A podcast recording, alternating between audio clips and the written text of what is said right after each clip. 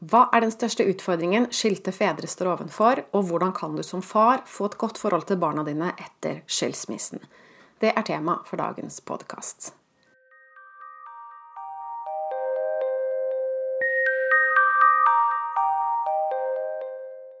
Hei, jeg heter Line Strandvik. Jeg jobber som personlig veileder, hvor jeg hjelper deg tilbake til sannhet, hvor livet er ekte og meningsfullt.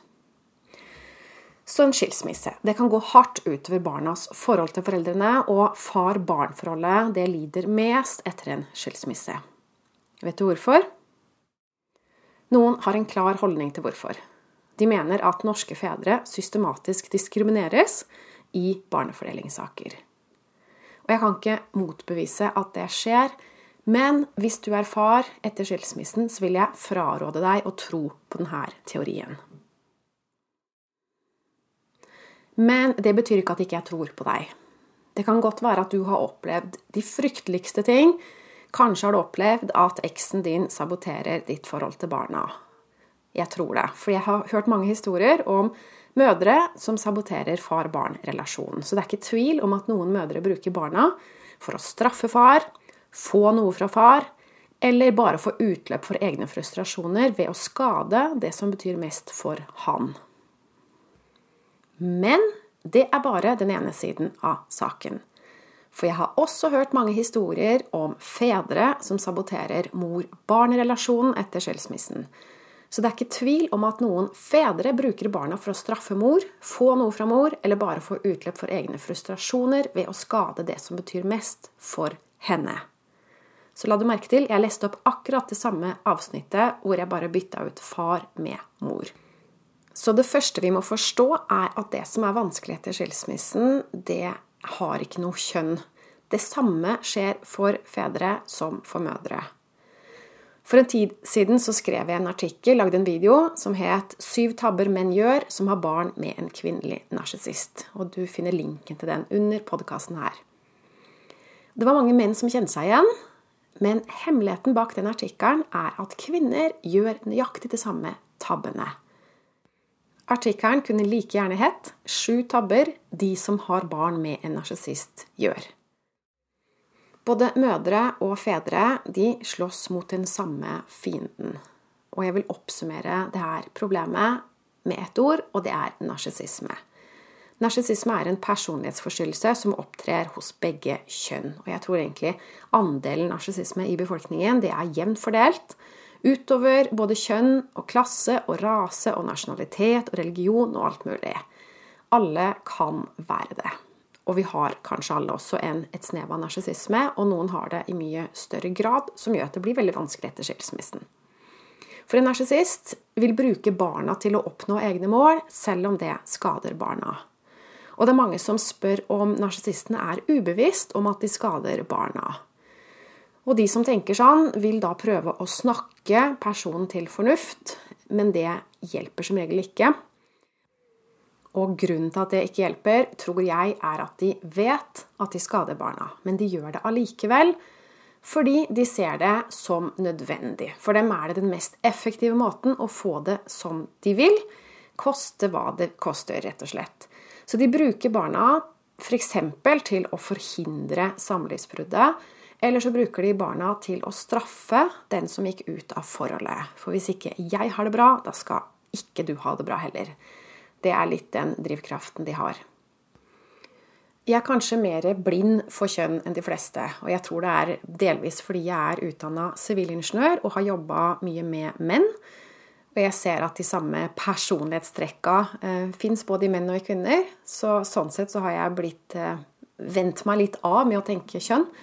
Og delvis fordi jeg har jobba med skilsmisser i mange år nå, og jeg ser at mødre og fedre de forteller de samme historiene. Også kvinner opplever at eksen vender saksbehandleren imot dem. Også hvis saksbehandleren er kvinne. For er det virkelig sånn at kvinner favoriserer kvinner? Noen menn tror det er en ulempe at det er en høy andel av kvinner som jobber i hjelpeapparatet. De tror at kvinnelige saksbehandlere favoriserer kvinner. Men jeg har snakka med en rekke kvinner som forteller det motsatte. De forteller hvordan deres mannlige eks sjarmerte saksbehandleren eller manipulerte saksbehandleren. Så de opplevde overhodet ikke det kvinnelige samholdet som noen menn tror at det er. Å tro at kvinner alltid støtter kvinner, det er en stor, fet løgn. Og det tror jeg vi alle vet. Det finnes mye misunnelse og konkurranse kvinner imellom. Så det, sånn fungerer det bare ikke. Så for det første så er det mange av de såkalte faktaene som jeg leser at fedre tror, det er ikke sant. Og for det andre, hvis det er sant, hvis statistikkene faktisk viser at menn oftere taper i rettssaker og sånne ting, hvis statistikken viser det, så vil jeg også oppmuntre deg til å ikke bruke statistikken og tro på statistikkene. For det du gjør da, da programmerer du hjernen din til å bli en del av statistikken. Du blir passiv og bare innfinner deg med at sånn er det. Så du havner i offerrollen. Og det er fordi ditt fokus fjernes fra din rolle i det her samspillet. For du har nemlig en mye større rolle i det her enn du kanskje tror. Og jeg vil gå så langt som å si at det er utelukkende opp til deg. Og før jeg snakker mer om det, så må jeg også nevne en annen ting vi skal være klar over. Og det er at narsissistiske fedre de kan slutte seg til gruppen av fedre som reelt sett har en narsissistisk ekskone. Narsissister oppfører seg som ofre når de i virkeligheten er den overgriperen eller psykiske plageånden i forholdet til sin eks og til sine barn. Og de her falske ofrene er ute etter å høste sympati og støtte som de egentlig ikke er berettiga til. Og vi kan bli lurt, så derfor så skal vi ikke dømme så raskt. Vi skal ikke tro vi vet med en gang hvem som er den virkelige narsissisten, og hvem som er offeret. Jeg har sett mange eksempler på at folk tar feil, og jeg har sikkert også tatt feil, for narsissister har lang trening i å manipulere.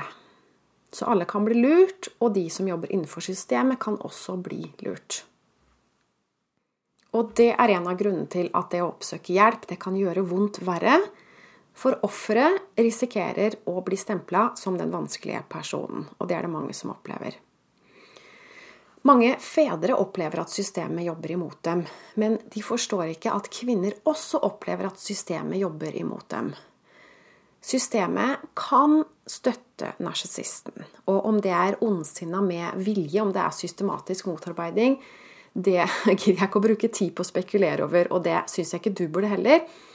For når du føler deg maktesløs, så gir du energi til narsissister generelt. Det er sånn systemet fungerer. Så vi må forstå at det er energilover som opererer her. Det er ikke alltid at logikken vinner, at sannheten vinner. Det her er et spill mellom mennesker. En annen ting jeg har lyst til å nevne, er at jeg ser at noen fedre prøver å styrke seg ved å oppsøke likesinnede foreninger og andre som jobber for fars rettigheter, eller andre likesinnede som har opplevd noe lignende. Og tanken er god, men det har som regel en motsatt effekt. Fordi da blir de bare styrka i sin oppfatning av å være offeret. Ofrene står sammen og styrker hverandre i offerrollen, rett og slett. Så din forestilling om at mor alltid vinner i barnefordelingssaker, den blir forsterka. Og det er en skadelig forestilling. Og det er mye mer makt i forestillinger enn det mange er klar over. Det er viktig å ha forestillinger som styrker deg, som gir deg krefter, som gir deg selvtillit, og det er akkurat det narsissistene gjør. De knekker folk psykisk. Men det jeg vil du skal vite, er at en narsissist ikke har mer makt over deg enn den makten du gir dem, på den måten at de påvirker tankene dine. Så hvis du kan ha kontroll på dine egne tanker og dine egne følelser, så er det ingen narsissist som kan skade deg. Så enten du er far eller mor, ingen kan komme imellom deg og dine barn annet enn dine egne fryktbaserte og maktesløse tanker. Så hvis du forstår det, da er du på god vei til å løse problemet. Så min erfaring med skilsmisser fra narsissister er at det her er et problem som kun kan løses med selvutvikling. Så det å oppsøke hjelp og støtte fra andre, det kan som sagt være en fallgruve. Det er ikke andre vi skal lene oss på, det er oss selv vi skal lene oss på, og forstå at det er nok. Så for å oppsummere, den største utfordringen skilte menn står ovenfor, det er ikke at systemet undervurderer fars rolle overfor barna, eller at systemet er urettferdig.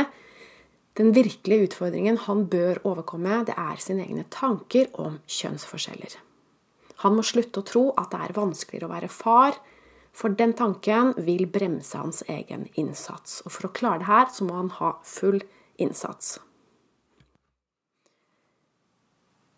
Mange forblir i offerrollen fordi det føles trygt. Det å ta skrittet ut og begynne å ta ansvar for all elendigheten man opplever i sitt eget liv, det er skremmende, men også provoserende. Fordi det er jo ikke ens egen feil at eh, man blir plaga. En narsissist er jo en, en, form for overgriper, psykisk overgriper. Så det er, ingen, det er ingens feil at man blir utsatt for narsissister. Men for det første, det å forbli offerrollen, det er en falsk trygghet. For du blir ikke fri, du blir ikke eh, frisk. Du, du, får ikke, du, får ikke, et godt liv ved å forbli på innsiden av offerrollen. Så det er virkelig en falsk trygghet. Og for det andre, nei, det er ikke din skyld at noen er slemme mot deg.